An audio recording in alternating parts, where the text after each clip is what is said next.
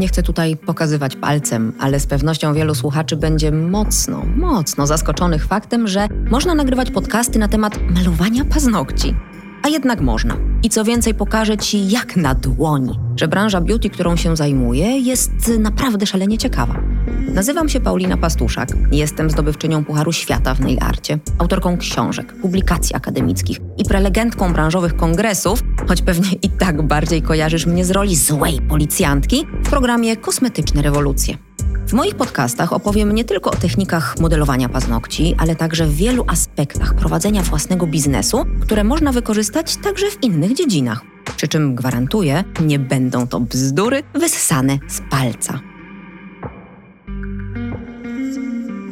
Już ja Was znam i wiem doskonale, co sobie teraz w tych głowach myślicie. Myślicie sobie, jaki parszywy podcast, jaki paskudny temat. No ale dobra, kupiłam go, to sprawdzę. Kupiłam to, przesłucham. Bo może akurat, może akurat będą tu jakieś magiczne triki i klientka sama z siebie nagle zacznie błagać mnie o sprzedanie tego kremu, tego drugiego po lewej, z dolnej półki. I wtedy ja ewentualnie jej ten krem sprzedam. No ale kurczę, muszę Was, kochani, zmartwić. Takich trików, tak działających, no niestety nie znam. Bo żeby klientka zapragnęła nabyć ten cudowny krem, musicie włożyć chociaż minimum wysiłku w proces przedstawienia jej tegoż produktu. No niestety, bez tego się nie obejdzie, sorry. I co tutaj jest bardzo istotne, mój dobór słów. Ten dobór słów jest bardzo ważny, ponieważ wy nie macie klientek namawiać, żeby kupiła ten krem. Wy macie jej o tym kremie tak opowiedzieć, w taki sposób opowiedzieć, żeby sama zapragnęła wejść w posiadanie tegoż cudeńka, żeby go pożądała, żeby go pragnęła. I w końcu finalnie kupiła, oczywiście. Dlatego tak naprawdę, zanim przejdziemy do technik sprzedaży i innych poważnych technikaliów, musimy sobie zrobić no nazwijmy rzecz po imieniu, drobne pranie mózgu. No, taka jest niestety prawda. Bo niestety, niestety w naszej branży, a właściwie tak w wielu branżach, gdzie swoje małe biznesy prowadzą kobiety, dominuje pogląd, że sprzedaż dodatkowych produktów albo akcesoriów jest czymś złym, nieodpowiednim, nagannym, wstydliwym, zwał jak zwał stylistki paznokci i generalnie kosmetyczki myślą często, ale klientka nie przyszła tutaj przecież na zakupy, tylko na zabieg. Na pewno nie ma kasy na takie dodatkowe fanaberie.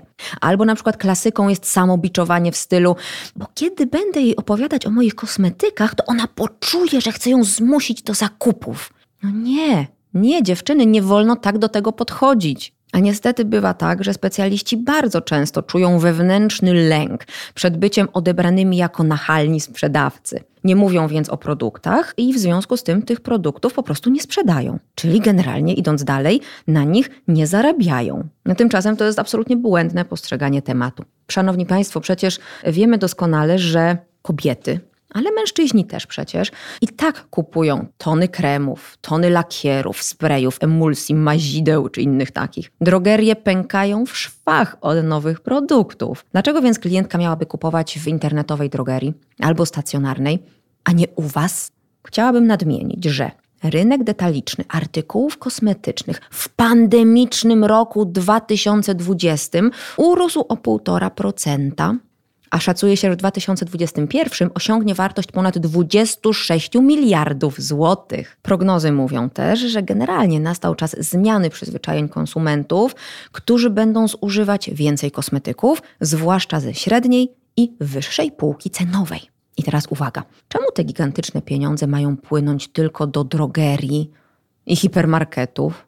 Dlaczego klientki nie mogłyby kupować tych produktów od Was? To przecież wy jesteście ekspertami, którzy dokonując trafnej diagnozy i analizy konkretnego przypadku, są w stanie zaproponować klientce produkt, który rozwiąże jej problemy. To jest wasza gigantyczna, absolutnie gigantyczna przewaga nad sieciówką, w której klientki tak czy tak zostawiają kupę kasy. Powtórzę tutaj. Profesjonalista to nie jest nachalny wciskacz badziewia. Absolutnie nie. Proszę nie utożsamiajcie się same ze sprzedawcą z gatunku Special Price, my friend. Nie, broń Boże. Naszym celem jest zaspokojenie potrzeb klienta i uratowanie, wybawienie go z opresji, bo ten klient cierpi, mniej lub bardziej, ale bardzo często cierpi, bo ma pryszcze, bo ma przetłuszczające się włosy, bo ma szorstkie pięty, bo ma celulit, bo ma suche skórki, bo ma szaro-burę spierzchnięte dłonie. No i tutaj pojawiacie się wy, rycerki na białych koniach, klaczach. Tak, klacze będą lepsze, mm, bardziej poprawne i z duchem czasu. Tak więc rycerki na białych koniach zbawiają tegoż biednego, cierpiącego klienta. Może brzmi śmiesznie, ale tak to działa. I powiedzmy to sobie jasno, w sprzedaży blokują Was tak naprawdę tylko i wyłącznie Wasze przekonania, nic innego. Przecież klientowi naprawdę jest łatwiej, wygodniej i szybciej kupić preparaty do pielęgnacji od razu u Was w salonie, na miejscu, bo zaoszczędzi dzięki temu czas, zyska profesjonalne doradztwo. Tego nie dostanie w supermarkecie. Nie ma takiej opcji. A poza tym, proszę kochani, wierzcie mi, bo wiem, co mówię, ponieważ przez całe lata Poza szkoleniami zajmowałam się również de facto sprzedażą produktów do stylizacji paznokci. Głównie, owszem, działałam na rynku profesjonalnym, czyli sprzedawałam profesjonalistom. Nie był to model B2C, tylko B2B, business to business. Owszem, ale to chyba nawet jeszcze gorzej, ponieważ konkurencja większa, a klient bardziej wymagający i rzeczywiście obeznany w temacie. Ale wiem o czym mówię. I dla przykładu opowiem Wam, że byłam kiedyś małopolskim dystrybutorem marki ABC Nail Store, bardzo drogiej, prestiżowej niemieckiej firmy. Produkty były naprawdę drogie. Na przykład biały żel do malowania Frencha kosztował 189 zł za piętnastkę albo chyba nawet dwunastkę, tak mi się wydaje. 189 zł i to było jakieś 10-12 lat temu. To były niesamowite kwoty, to były niesamowite ceny, a jednak ta sprzedaż szła mi całkiem fajnie. No i teraz pytanie, dlaczego tak szła? Dlaczego to się sprzedawało, mimo że normalne, standardowe produkty były nawet trzy razy tańsze? A działo się tak dlatego, że ja byłam absolutnie przekonana, że to jest najlepszy żel na świecie i potrafiłam klientkom udowodnić, że maluję najostrzejszą linię uśmiechu, jaką można sobie tylko wyobrazić. Tylko tyle?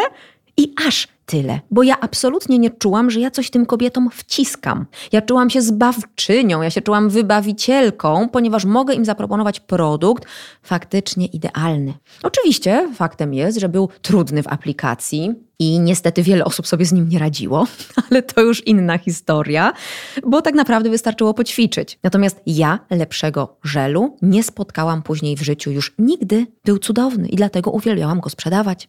A z kolei moja koleżanka po fachu, koleżanka z zespołu, Ania, uwielbiała zupełnie inny produkt sprzedawała podobno ogromne ilości innego, drugiego białego żelu, ponieważ sama go uwielbiała. Ja tej jej gęstej białej śmietany nie cierpiałam i nie polecałam go wcale. W związku z tym u mnie sprzedaż tego produktu była śmiesznie niska, tymczasem u niej podobno wywalała słupki w kosmos, bo ona ten swój żel kochała, umiała go pokazać i opowiadała o nim z prawdziwą pasją i gigantycznym przekonaniem. I czemu ja o tym mówię teraz? Bo to jest niestety fundament sprzedaży. Jeżeli chcecie czuć się dobrze same z sobą, jeżeli chcecie bez wstydu spojrzeć sobie codziennie na swoje odbicie w lustrze, to zakładam, że musicie być pewne produktu, który oferujecie klientkom. To nie może być wciskanie byle czego, żeby zarobić parę procent, żeby się bilans zgadzał. I tutaj też śmiało mogę oprzeć się na moich doświadczeniach, na przykład z Semilacza. Miałam tam w momencie, kiedy z nimi współpracowałam, kilka ulubionych produktów, o których bardzo chętnie opowiadałam i które polecałam, bo były naprawdę fajne, ale jeżeli ktoś pytał mnie o produkt kiepski, to szybko zmieniałam temat albo udawałam, że nie widziałam pytania, bo w życiu nie przeszłoby mi przez gardło polecenie czegoś, co mnie nie zadowalało i koniec tematu i żadne pieniądze tego nie zmieniły.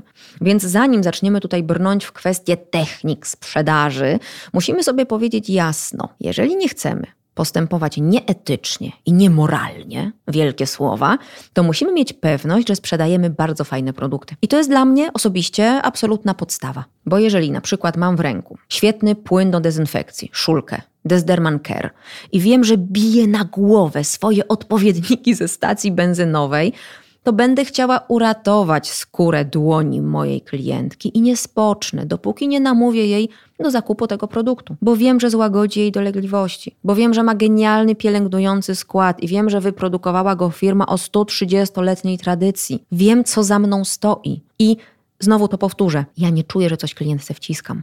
Ja oferuję jej rozwiązanie jej problemu, jakim jest piekąca, swędząca, wysuszona, boląca skóra, która od kilku miesięcy traktowana jest jakąś badziewną, podłą dezynfekcją. Ja klientce pomagam, po prostu.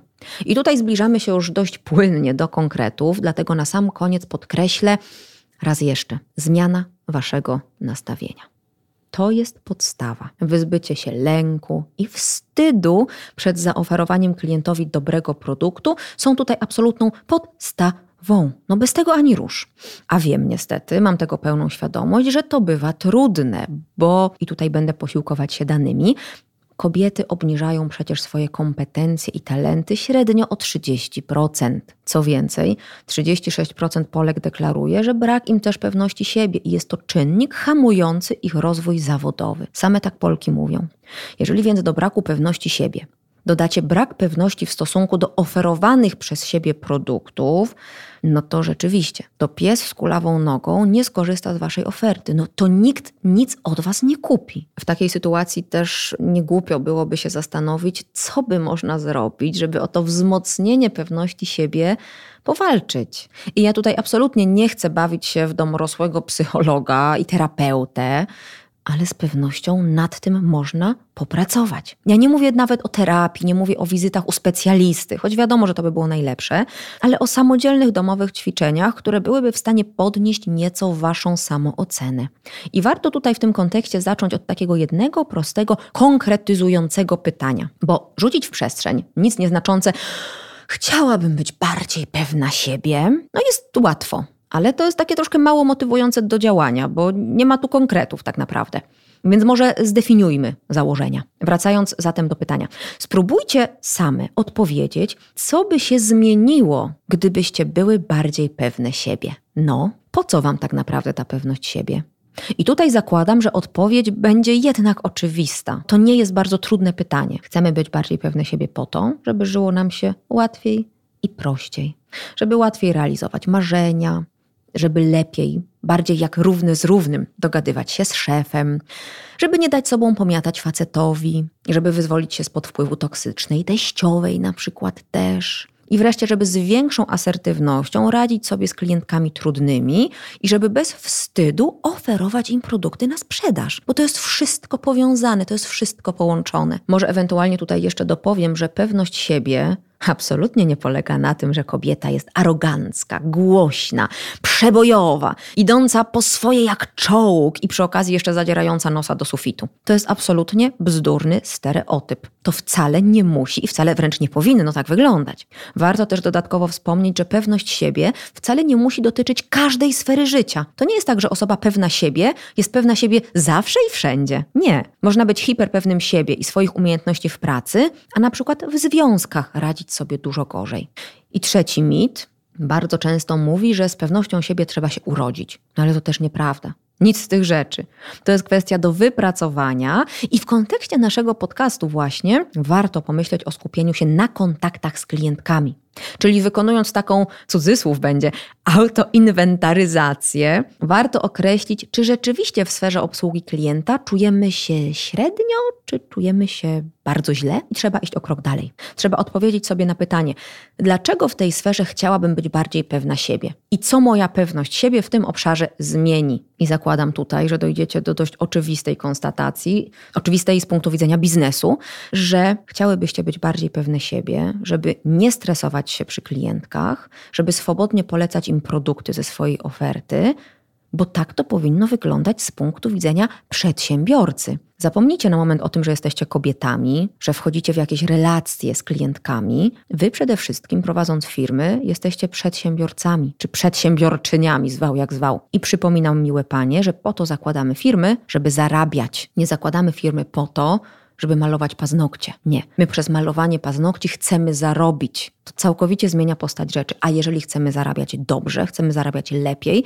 to musimy coś wprowadzić dodatkowo do naszej oferty. Znaczy, no nie musimy, jeżeli mamy bardzo wysokie ceny zabiegów i nie musimy bawić się w sprzedaż, to super, to sorry, to zwracam honor, to wyłączajcie ten podcast.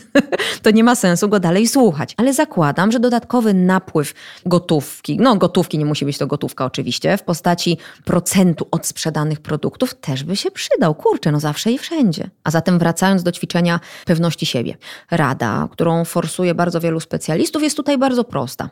Otóż przyglądacie się od teraz swoim myślom, i absolutnie zmieniacie sposób wypowiadania się na swój temat. Już nigdy więcej od tego momentu absolutnie nie wolno wam powiedzieć albo pomyśleć, czegoś w stylu jestem beznadziejna, nigdy się tego nie nauczę, nie nadaję się do tego, albo jestem fatalna i tak dalej, i tak dalej. Bo same się w ten sposób stygmatyzujecie, same owijacie się w ten cholerny kokon beznadziei. Ładnie to zabrzmiało, kokon beznadziei. Sorry, nie, to nie jest temat do żartów. Zamiast tego, co należy powiedzieć? Cholera, no rzeczywiście w tej sytuacji dałam ciała. Albo, no to rzeczywiście Holender mi nie wyszło. Albo, oj, mogłam to napisać lepiej. Czyli nie skupiacie się na sobie, jakie wy jesteście fatalne, tylko że rzeczywiście jakiś aspekt danego dnia, jakiś temat, jakieś zagadnienie wam nie wyszło. Zdarza się, cholera, każdemu może się zdarzyć. Bo jeżeli same będziecie w siebie wątpić, to nie ma szans, żeby inni ludzie wam zaufali w tym klienci. I tutaj pojawia się właśnie banalne ćwiczenie.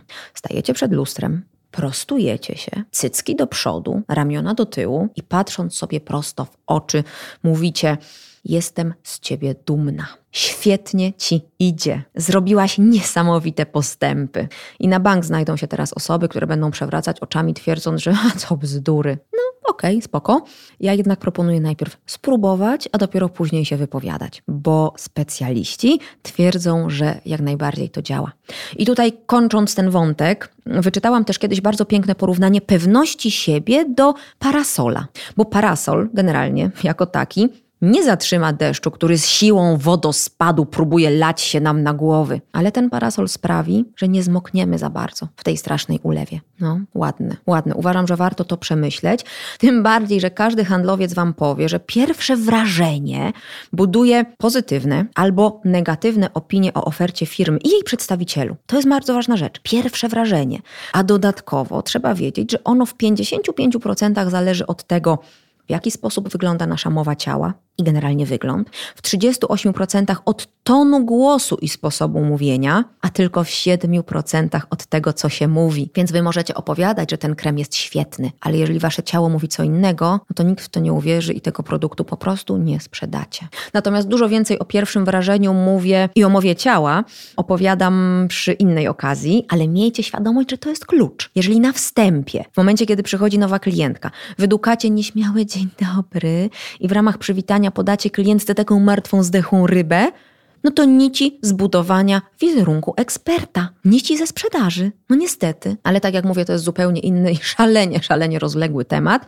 A teraz przejdźmy już płynnie do konkretnych technik sprzedaży, które mogą zwiększyć wasze dochody, czyli dzięki którym po prostu możecie zarabiać więcej, no mówiąc wprost. Tyle, że ustalmy sobie może jeszcze, czym jest sprzedaż? Bo niby to oczywiste, ale czy wiecie, że jest to proces, w którym można wyróżnić kilka etapów? To nie jest po prostu tak, że przychodzi klientka, mówi: Poproszę zapałki, do widzenia. Znaczy, niby i tak, owszem, okej, okay, ale mimo wszystko w profesjonalnym podejściu do tematu warto zwrócić uwagę na pięć kroków. Pierwszy krok to będzie znalezienie klientów. Bardzo ważny krok, bardzo ważny temat. W innych podcastach i w książce i w kursach online, w Akademii Online opowiadam sporo o personie. Warto tutaj zwrócić uwagę na ten aspekt zdobywania klientów. Jeżeli więc macie z tym problem, warto pomyśleć o tych dodatkowych formach wsparcia, żeby tych klientów było po prostu jak najwięcej. Krok drugi to jest nawiązanie kontaktu z tymi klientami, czyli najpierw ich znajdujemy, ustalamy personę, a później nawiązujemy z nimi kontakt. I tutaj cudownie, cudownie sprawdzają się social media i również oferuję kursy z zakresu ich prowadzenia, bo samo wrzucenie na stories zdjęcia paznokci albo zdjęcia nowej fryzury, no to jeszcze mało. Albo samo wrzucenie na Facebooka fotki, nie wiem, makijażu i napisanie makijaż wykonany przy produktami bla, bla, tam jakiejś firmy, To też jest za mało. Nie nawiążecie w ten sposób relacji, nie nawiążecie kontaktu z klientami i tak naprawdę nie sprzedacie im nic. Więc ten punkt drugi też jest bardzo ważny. Też prowadzę szkolenia z tego zakresu. Punkt numer trzy to prezentacja oferty, bo możecie sięgnąć po krem i powiedzieć: Dobry krem, kup. A możecie to zrobić w sposób troszeczkę lepiej zaplanowany, lepiej przemyślany i bardziej skuteczny, zdecydowanie. I później przechodzicie do punktu numer cztery, do negocjacji i zamknięcia sprzedaży. To jest również szalenie ważny, istotny, kluczowy fragment, a później do punktu piątego, czyli obsługi posprzedażowej. I żeby całość tego procesu przebiegała sprawnie i satysfakcjonująco, stworzono właśnie techniki sprzedaży, które tak naprawdę dotyczą każdego z tych etapów, ale w szczególności przydają się przy prezentacji oferty i przy negocjacjach. I dlatego też przechodząc teraz do meritum. Pierwsza, absolutnie kluczowa rzecz w tej materii to mówienie do klienta językiem korzyści. Kładziemy tutaj nacisk na korzyści, jakie daje, jakie oferuje produkt, a nie na jego cechy. Serio, tutaj absolutnie trzeba zapomnieć o wyświechtanych marketingowych frazesach, bo ludzie są już na nie uodpornieni. Z każdej reklamy, z absolutnie każdej reklamy dowiadują się, że po tym kremie będą wyglądać jak młodzi bogowie, cudownie się rozprowadza, świetna konsystencja, bla bla bla, a po tamtym, nie wiem, suplemencie to w ogóle będą góry przenosić. I już nie wierzą po prostu w te brednie. Bez sensu jest też z drugiej strony deklamowanie takiego suchego składu kremu, bo on bardzo często klientce kompletnie nic nie powie. Klientka pokiwa tylko głową, uda, że rozumie, uda, że zna te składniki i potem powie, że właściwie to tego kremu nie potrzebuje. Dziękuję, do widzenia. Dlatego też konieczne jest mówienie o korzyściach, o tym, co zmieni się w życiu klientki po zakupie danego produktu. Czyli generalnie nie pierniczymy, że dany krem modeluje owal twarzy, napina skórę, wygładza, redukuje zmarszczki, rozświetla itd., tak itd., tak bo wedle zapewnień producenta i tak każdy inny produkt tak działa, a często jest tańszy. Tutaj trzeba dobrze wycelować w konkretną klientkę, czyli mówimy do Kasi, mówimy do Zosi, mówimy do Andrzeja wreszcie też. Mówimy im, że dzięki temu produktowi o tutaj czoło będzie się mniej świeciło albo o ta szorstkość na łokciach zniknie, albo o właśnie dzięki tej maści do stosowania między naszymi zabiegami pedikiru będzie pani mogła bez skrępowania szaleć w japonkach, albo o nie będą się robiły te bolesne zadziorki jak na kciuku, albo o i ta blizna trochę zniknie. To samo zresztą dotyczy usług, nie tylko produktów. Nie mówcie na przykład wykonujemy znakomite, bardzo trwałe paznokcie. Zamiast tego powiedzcie po naszych stylizacjach będzie pani mogła chwalić się ładnie ładnymi paznokciami przez cały miesiąc, bo wytrzymają miesiąc. Albo nie piszcie klientce, nasze stylizacje są najwyższej jakości. No bo Jezu, no wszyscy mają stylizację niby najwyższej jakości, no hello. Ale poinformujcie klientkę, że może pani zapomnieć o tych okropnych podpowietrzeniach. Po moim zabiegu nie będą już pani doskwierać. Bo to troszeczkę będzie tak jak w tej starej już, starej, ale jarej edukacyjnej historyjce. Bo wyobraźcie sobie na momencik, że pracujecie w sklepie papierniczym. Macie do wyboru z oferty piór, tanie pióro za 15 zł. Macie w ofercie na półce dobre pióro za 7 dyszek i macie jakiś ekskluzywny model za 300 zł.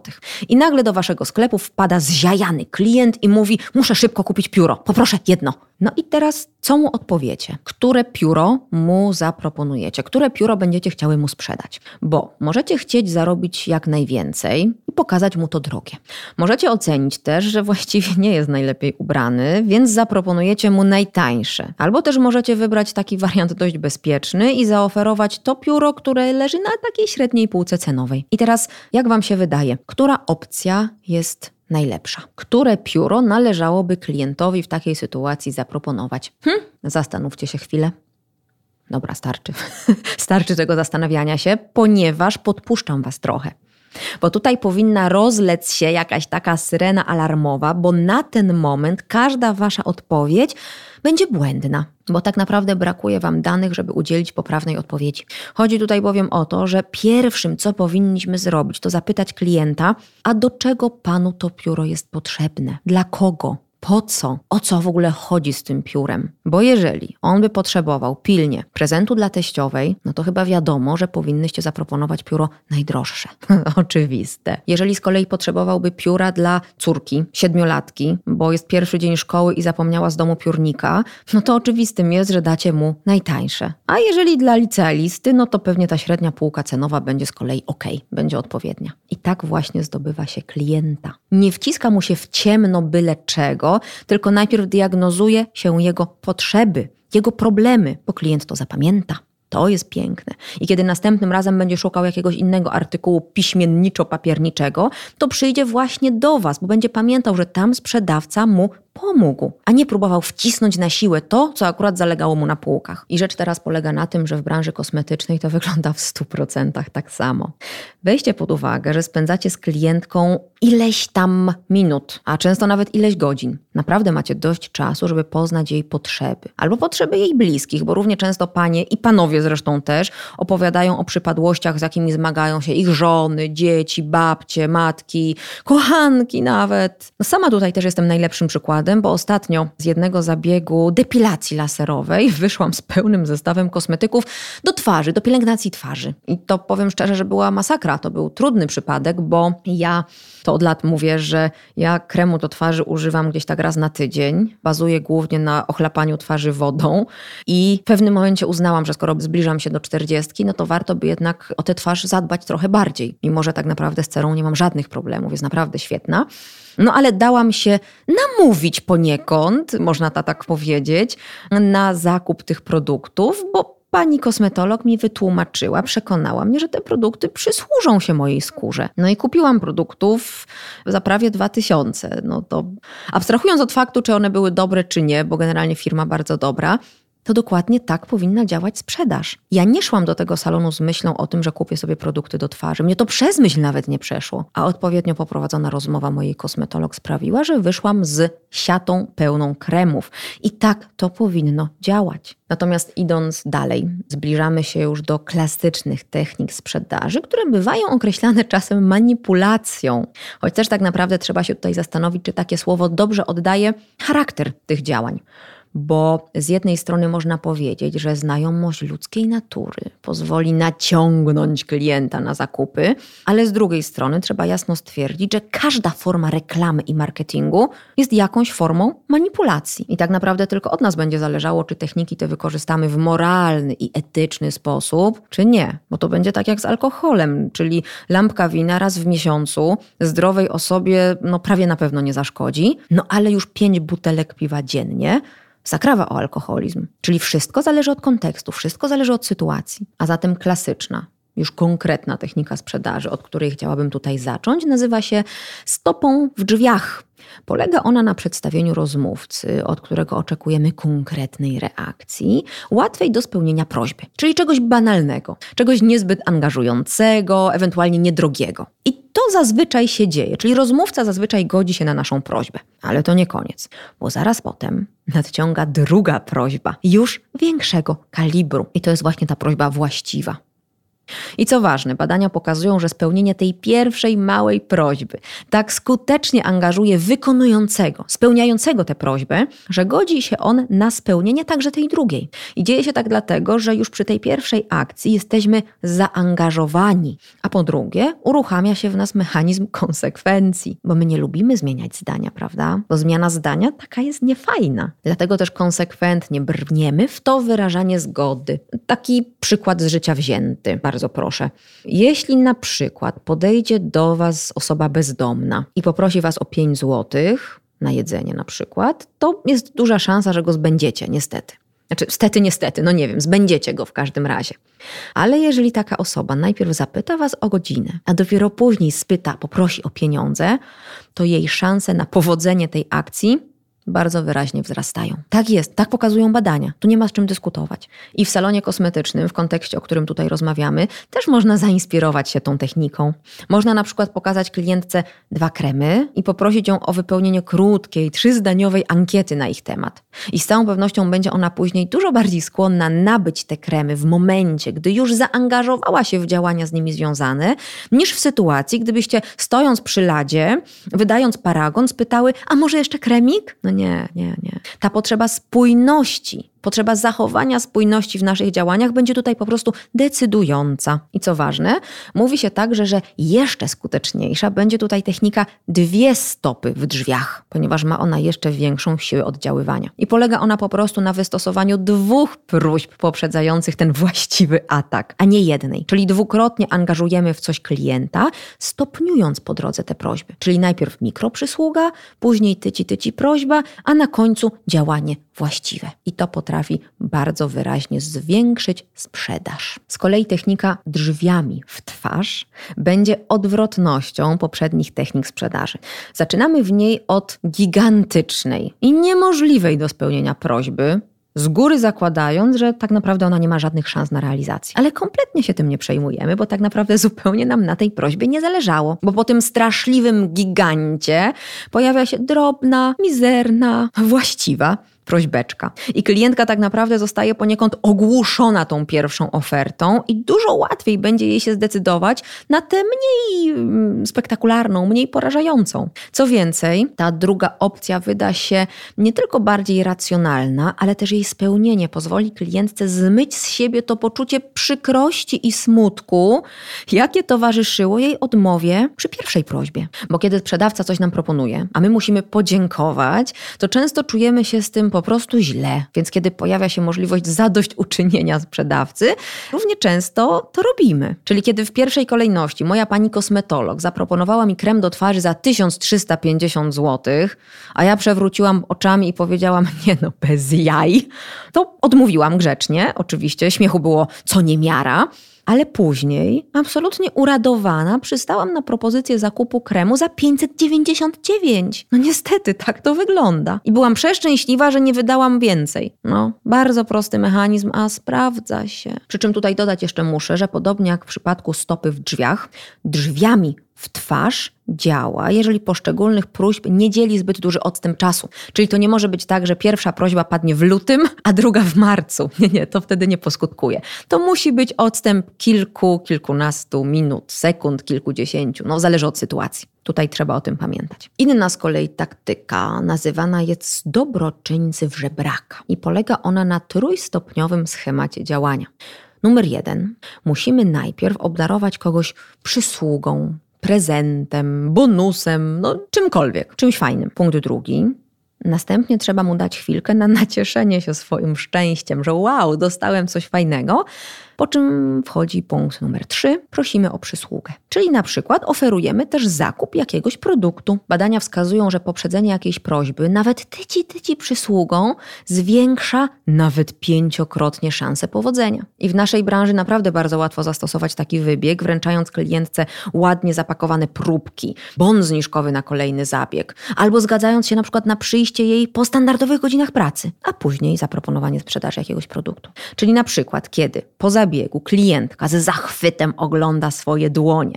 Warto po pierwsze zastosować wzmocnienie, czyli z radością powiedzieć: Ależ ładnie nam to dzisiaj wyszło. Później wręczyć jej próbkę nowych kremów w jakimś ładnym, ozdobnym pudełeczku. Jeszcze później powiedzieć: Hmm, no dobrze, to ja wyjątkowo zapiszę panią tego 17 na 21, po czym zagaić z uśmiechem, a czy ja pani pokazywałam już te nasze nowe tarki do stóp? Ależ one pięknie usuwają niedoskonałości. Idealnie wygładziłyby te pani problematyczne pięty między naszymi zabiegami. Proszę zobaczyć. Zostały mi już tylko trzy sztuki, bo panie się po prostu na nie rzuciły. No i generalnie nie ma siły, żeby klientka nie kupiła tej tarki. No serio, no tak to działa. Ale zwróćcie też proszę uwagę, że wplotłam tutaj też dodatkowe elementy. Po pierwsze, mamy społeczny dowód słuszności, bo klientki się rzuciły, czyli coś, w tym przypadku te nasze śmieszne tarki, są rzeczywiście dobre. A po drugie, zagrała też reguła niedostępności, bo zostały mi już tylko trzy tarki. Trzeba się spieszyć, bo wykupią wszystkie. No i tutaj znowu powtórzę, że ktoś może oburzyć się na taką manipulację, ale ja zakładam, że takie przedstawienie sprawy absolutnie może być prawdą. Ja sama korzystam z tej techniki wielokrotnie i nie kłamię nawet w ułamku sekundy, kiedy na stories wrzucam filmik informujący, że właśnie właśnie do sklepu przyszło 100 mandreli i proponuje się spieszyć, bo za trzy dni już ich nie będzie. To jest 100% prawdy. Absolutnie tak. Bo na przykład inna technika, tak zwanej niskiej piłki, no to już mi się nie podoba. Jest ona podobno popularna wśród amerykańskich sprzedawców samochodów i polega na tym, że sprzedawca przedstawia kupującemu cudowną wizję zakupu ekstra auta. Roztacza bajeczny wizję fantastycznego wozu, po czym informuje, że ojej, sorry, ups, ten produkt jest już niestety niedostępny. No, sorry, tak wyszło. Ale, ale, uwaga, uwaga, jest inny. Jest inny fantastyczny wóz, tylko troszkę droższy. No i rzecz w tym, że to zazwyczaj działa, bo już jesteśmy tak napaleni, już tak bardzo chcemy zamknąć te transakcje, już tak bardzo chcemy mknąć a czwórką naszym nowym cabrio, że przymykamy oko na te dodatkowe 20%, bo już tak bardzo zaangażowaliśmy się w proces, że nie chcemy się z niego wycofywać. I jeżeli sprzedawca od początku chciał klienta wprowadzić w błąd, to jest to niestety obrzydliwe. Tak bym to postrzegała. Inna z kolei technika, która jest tak naprawdę dla mnie bardzo okej, okay, bardzo w porządku, dotyczy po prostu sposobu przedstawiania ceny i nazywa się ale to nie wszystko. Już w latach 80. przeprowadzone zostało badanie, w którym klienci sklepu z ciasteczkami zostali podzieleni na dwie grupy. Jednej z grup oferowano dwie paczki ciastek za 75 centów. Po prostu. Dwupak za 75 centów. Drugiej natomiast grupie powiedziano, że paczka ciastek kosztuje 75 centów i dopiero po jakimś czasie dodawano, że to jest cena za dwie paczki. I wyniki były arcyciekawe. W pierwszej grupie 40% klientów decydowało się na zakup ciastek. W drugiej grupie 73%. Prawie dwa razy tyle. Dobre, nie? Tutaj podstawę z kolei stanowi reguła wzajemności, wedle której reagujemy ustępstwem na ustępstwo. Nawet jeżeli to ciastkowe ustępstwo było wynikiem tylko naszego pierwotnego takiego niedoinformowania i nadinterpretacji w sumie. Ale nasz mózg zanotował, że to jest super oferta. I tak naprawdę w salonie kosmetycznym bajecznie łatwo tę technikę wykorzystać. W miejsce ciastek podłóżcie kremy, balsamy, pasty do zębów, szampony, cokolwiek i gotowe. I sprzedacie dzięki temu więcej. Z kolei inną techniką wpływu, która najmocniej bazuje na naszych nastrojach, jest huśtawka emocjonalna. Wiecie chyba doskonale, że strach generalnie nie służy podejmowaniu racjonalnych i sensownych decyzji. Tak samo zresztą takie totalne rozluźnienie i leniwa atmosfera nie działają zazwyczaj dobrze na logikę naszych procesów myślowych. I huśtawka emocjonalna jest zatem techniką, która zwiększa podatność ludzi na wpływy poprzez wywołanie silnych, negatywnych emocji, najczęściej lęku, a następnie takie dobrotliwe ich załagodzenie. I kojarzycie przecież na pewno amerykańskie filmy, nie? Sensacyjne. Najpierw do aresztu wpada zły policjant, który wrzaskami i grożeniem bronią próbuje wyciągnąć informacje od podejrzanego, a później pojawia się dobry policjant, który w miły i sympatyczny sposób proponuje kawę, papierosa i tłumaczy, jakie korzyści odniesie przesłuchiwany, kiedy zacznie wreszcie do ciężkiej cholery współpracować. A zresztą też nie trzeba sięgać do filmów za oceanu. Wystarczą nasze rodzime kosmetyczne rewolucje. Taka sama zasada przecież, prawda? A teraz wracając do salonu kosmetycznego. Przykładowo, można by w dowolnej sytuacji sprzedażowej zastosować huśtawkę emocjonalną na takiej zasadzie, że powiemy klientowi, który marzy o konkretnym zakupie, że transakcja jest teraz niestety niemożliwa do przeprowadzenia. Ale na szczęście pojawiamy się tutaj my, cali w bieli, i mamy rozwiązanie tego kryzysu. I w takiej sytuacji klient będzie bardziej skłonny przyjąć naszą propozycję. Nawet jeżeli początkowo nie byłby to szczyt jego marzeń. Chodzi tutaj o fakt, że często wystarczy samo przejście od lęku i niepewności do stanu ulgi i wytchnienia co zwiększy podatność na wpływy sprzedawcy po prostu. I tutaj bez stosowania żadnych parszywych sztuczek można też sobie racjonalnie wyjaśnić, czemu tak ważne są produkty do pielęgnacji pozabiegowej. Nie tylko z racjonalnego punktu widzenia. Jeśli bowiem najpierw solidnie nastraszymy klientkę, czym będzie groziło jej wyjście na słońce tuż po depilacji wąsika, to pewnie dużo chętniej kupi u nas ten nowy, świetny krem z filtrem. Albo jeśli po wizycie u podologa otrzymamy zalecenie wsmarowywania maści, bo w przeciwnym razie paznokieć znowu wbije się, wkręci i Bóg wie, co tam jeszcze zrobi, to ta emocja zadziała na klienta lepiej i wtedy chętniej kupi on produkt. Ale uwaga, podkreślam tutaj jedną bardzo ważną rzecz. Oferujemy rzeczywiste rozwiązania prawdziwych problemów, a nie wciskamy klientkom jakieś bzdury wyssane z palca. Nie bazujemy na marketingu strachu, opowiadając cuda i baranie rogi, tylko rzeczywiście merytorycznie, konkretnie przedstawiamy wady i zalety konkretnych produktów. Tak to powinno wyglądać, moim zdaniem. A odchodząc jednak teraz odrobinkę od takich typowych technik bezpośredniego wpływu na klienta, warto też pamiętać o rozbrajaniu problemów, zanim eksplodują, tak jak z bombą. Chodzi tutaj o uprzedzenie ataku klienta i wspomnienie o wadach produktu, zanim klient zacznie te brudy wyciągać. Bo w ten sposób klient nie przywiąże się za bardzo do tej swojej linii obrony przed zakupem i będzie nam dużo łatwiej przedstawić mu pozytywne strony produktu. Czyli przykładowo, opowiadacie 5 minut o zaletach tego fantastycznego kremu do dłoni, po czym na koniec klientka z taką totalnie kwaśną miną mówi: No niby tak, ale słyszałam, że on jest strasznie tłusty. No i dup. Generalnie całe wasze gadanie poszło na marne w takiej sytuacji. Tymczasem to wy gdzieś tam w tym swoim słowotoku, w połowie opowieści, powinnyście wpleść. Owszem, zdaniem niektórych jego konsystencja jest dość gęsta i zbliżona do tłustej, ale jeżeli użyjemy jego niewielką ilość, to wrażenie będzie praktycznie nieodczuwalne. Za to bogata formuła tego kremu fantastycznie nawilży pani dłonie i bla, bla, bla, bla i tak dalej, i tak dalej. Tak samo zresztą sytuacja będzie wyglądała z ceną, czyli opowiadamy, opowiadamy, opowiadamy o tym produkcie i dodajemy. Owszem, niektóre moje klientki twierdziły, że cena tego produktu jest strasznie wysoka, ale gdy przeliczyły jego koszt na pojedyncze aplikacje każdego dnia, to okazało się, że z uwagi na jego wydajność cena była bardzo podobna do popularnego kremu z drogerii. A działanie? Ha, proszę pani, działanie.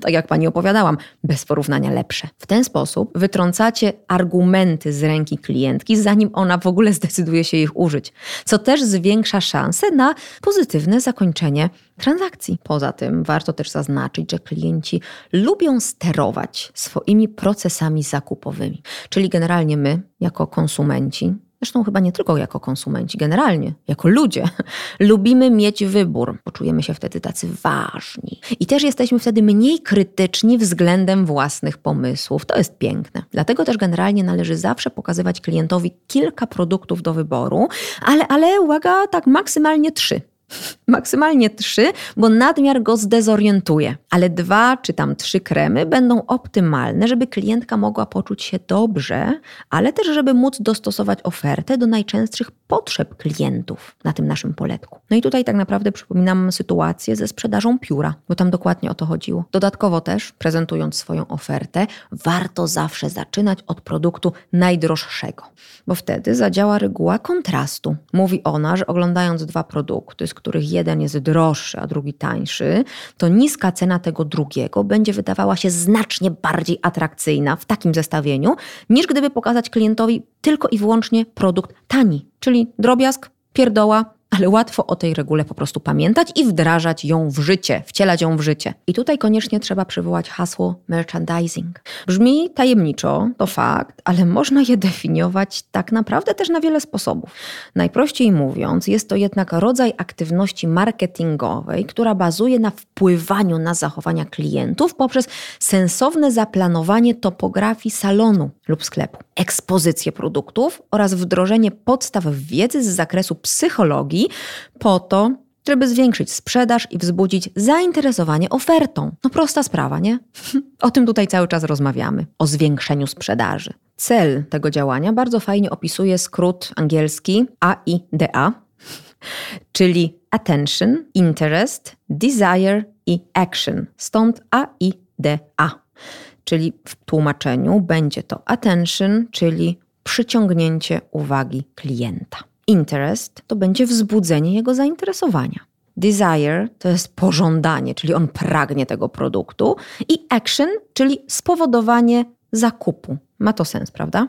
I w tym kontekście branża usług kosmetycznych jest dość specyficzna, hmm, aczkolwiek tutaj tak naprawdę specjaliści zawsze śmieją się i przewracają oczami, mówiąc, że każda branża jest przecież specyficzna. Ale wydaje mi się, że na naszym poletku kumulacja oczekiwań, presji, marzeń i tego pędu ku pięknu sprawia, że klientki naprawdę zachowują się czasem specyficznie. Natomiast mimo wszystko wybitnie istotne są tutaj działania klientek pod wpływem impulsu, a i też marketing kierowany do kobiet rządzi się w związku z tym swoimi prawami. Śmiało natomiast można przyjąć, że niezależnie od charakteru konkretnego salonu, jego grupy docelowej, czy obowiązującego w nim culture booka, istnieje zbiór uniwersalnych zasad, które mogą zwiększać sprzedaż. Dlatego też szukając u siebie w salonie miejsca do zaprezentowania swojej oferty, produktów do odsprzedaży i tej pielęgnacji pozabiegowej, warto pamiętać o następujących zasadach. Przede wszystkim zdecydowanie zawsze lepiej dostrzegamy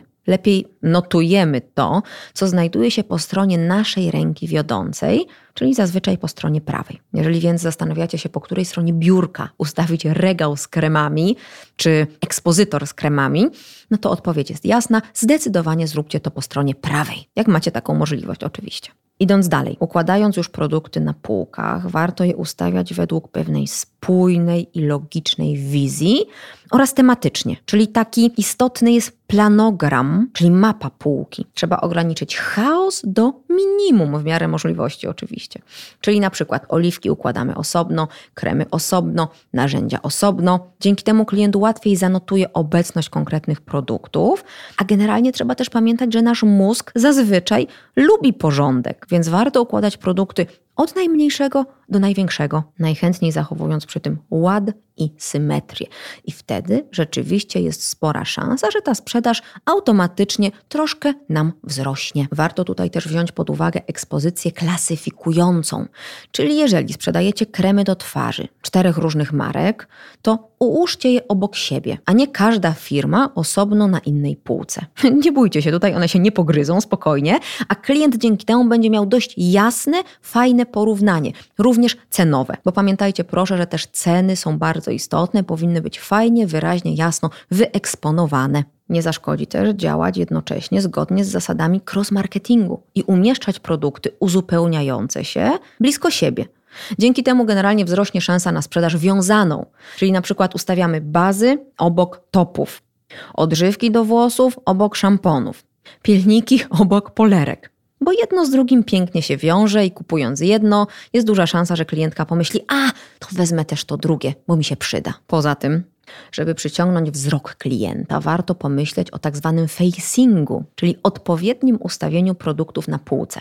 I zdecydowanie tutaj warto powtarzać kilkukrotnie ekspozycję tego samego produktu. I dzieje się tak dlatego, ponieważ nadekspozycja jednego produktu względem innych często kojarzona jest z jego popularnością. Czyli jak jest dużo, to znaczy, że jest dobry, to znaczy, że jest popularny. No tak to odbieramy, tak to odczytujemy. Poza tym, jeżeli też dostrzegamy baterię kilku identycznych produktów stojących obok siebie, to dużo trudniej będzie nam zanotować istnienie pojedynczych reprezentantów innych kategorii. Dlatego warto powielać towary, na których sprzedaży zależy nam najbardziej. I generalnie warto też pamiętać, że najwięcej miejsca na półkach trzeba przeznaczyć na produkty, na których zarabiamy najwięcej. Czyli nie oliweczki, z których mamy dwa złote, ale mają takie śliczne buteleczki z kokardką. Nie, nie, nie. Tylko kremy. Tylko kremy, które dają nam dobry zarobek. Na nie stawiamy. Sorry. Albo rybki, albo akwarium. Poza tym duża ilość face'ów będzie sprawiała, że klient lepiej zapamięta markę. Wbije mu się ona w pamięć, co generalnie na przyszłość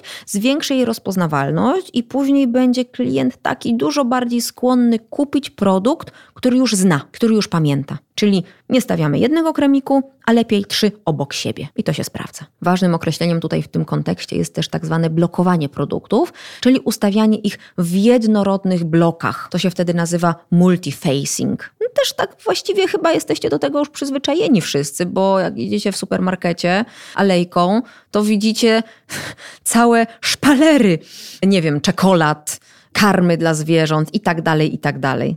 Więc dokładnie tak samo powinno to działać u Was w salonie kosmetycznym, tylko oczywiście na mniejszą skalę. Poza tym oczywistym też będzie, żeby produkty układać mniej więcej na wysokości wzroku, czyli na poziomie nie wiem, tak metr 30, metr 60. Zależy, czy mówimy o półkach w poczekalni, gdzie się siedzi, więc ta ekspozycja będzie niżej, czy w recepcji, gdzie zazwyczaj się stoi, wtedy ekspozycja będzie wyżej.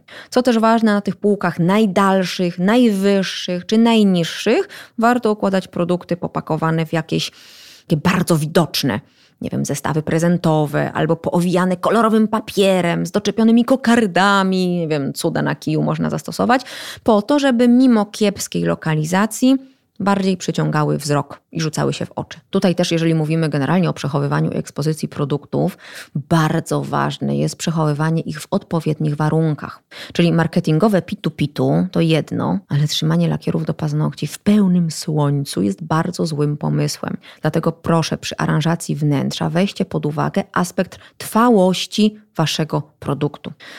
Idąc tym torem, tym tropem, bezwzględnie trzeba też pamiętać o utrzymaniu czystości na tych półkach. Niby oczywiste, ale no nie zapominajcie proszę, że prowadziłam kosmetyczne rewolucje i wiem, jak to wygląda w salonach. Dlatego zdecydowanie trzeba oddelegować jednego pracownika, żeby regularnie czyścił kurze i pilnował dokładania też szybko rotujących produktów, bo półki powinny być czyste i nie powinny na nich straszyć puste dziury, bo tydzień temu sprzedał się szampon. Nie, nie, nie. To musi być regularnie sprawdzane, regularnie kontrolowane. Poza tym, zgodnie z zasadą first in, first out, produkty z dłuższą datą ważności umieszcza się za tymi z krótszą datą. To jest logiczne przecież, prawda? Bo chodzi o to, żeby jak najprędzej sprzedać coś, co może się przeterminować. Więc warto tutaj uczulać pracowników, żeby zwracali na to uwagę. I fajnie by też było, gdyby dostęp do tych ekspozycyjnych regałów miał zarówno personel, jak i klienci. Dzięki temu klienci mogliby sobie produkty pomacać, powąchać, podotykać. Dlatego tak ważne generalnie jest umiejscowienie tych ekspozycji. Najlepiej by było, gdyby znaleźć im miejsce, szczerze mówiąc, gdzieś w części zabiegowej, recepcyjnej albo w poczekalni. Nigdy gdzieś na wejściu, nigdy gdzieś na wylocie. Nie przy toalecie, to nie wygląda dobrze. A tak naprawdę, szczerze powiem też, że w dużych salonach widuję witryny powielone w tych wszystkich trzech miejscach. Dzięki temu naprawdę nie ma możliwości, żeby klient przeoczył albo nie dojrzał takiej oferty. Czyli stoją kremy w pokoju zabiegowym, stoją przy recepcji oraz przy kanapie w poczekalni również. I tutaj nie ma co się obawiać, bo tak naprawdę ładnie ułożone kremy wyglądają też bardzo atrakcyjnie, więc to nie jest coś, co zaburzyłoby estetykę salonu. Oczywiście, jeśli nie przesadzicie z ilością. Jeżeli te produkty rzeczywiście są fajnie estetycznie opakowane, no ale generalnie większość w tym momencie już wygląda dobrze. Więc to nie wstyd eksponować takie produkty. I zbliżając się już tak z kolei do końca tych naszych dzisiejszych rozważań, ech, pamiętajcie proszę, że około 70% decyzji zakupowych podejmowanych jest w miejscu sprzedaży, a 68% klientów kupuje pod wpływem impulsu zmieniając marki. To tak zwani brand switchers, czyli konsumenci, którzy nie przywiązują się po prostu do firmy. Jeśli zatem do tej pory kupowali kremy w drogerii, raczej nie powinni mieć problemu ze zmianą marki na tą, którą zobaczą u Was w salonie. Czyli to nie działa w ten sposób, że klientka obudzi się rano i pomyśli: Oho, dzisiaj pójdę na manikir i kupię sobie krem, i może serum do stóp, i może jeszcze tarkę. No nie, nie, absolutnie, niestety nie. To od zastosowanych przez Was technik sprzedaży zależy, czy klientka wyjdzie od was z salonu z siatką pełną dobra,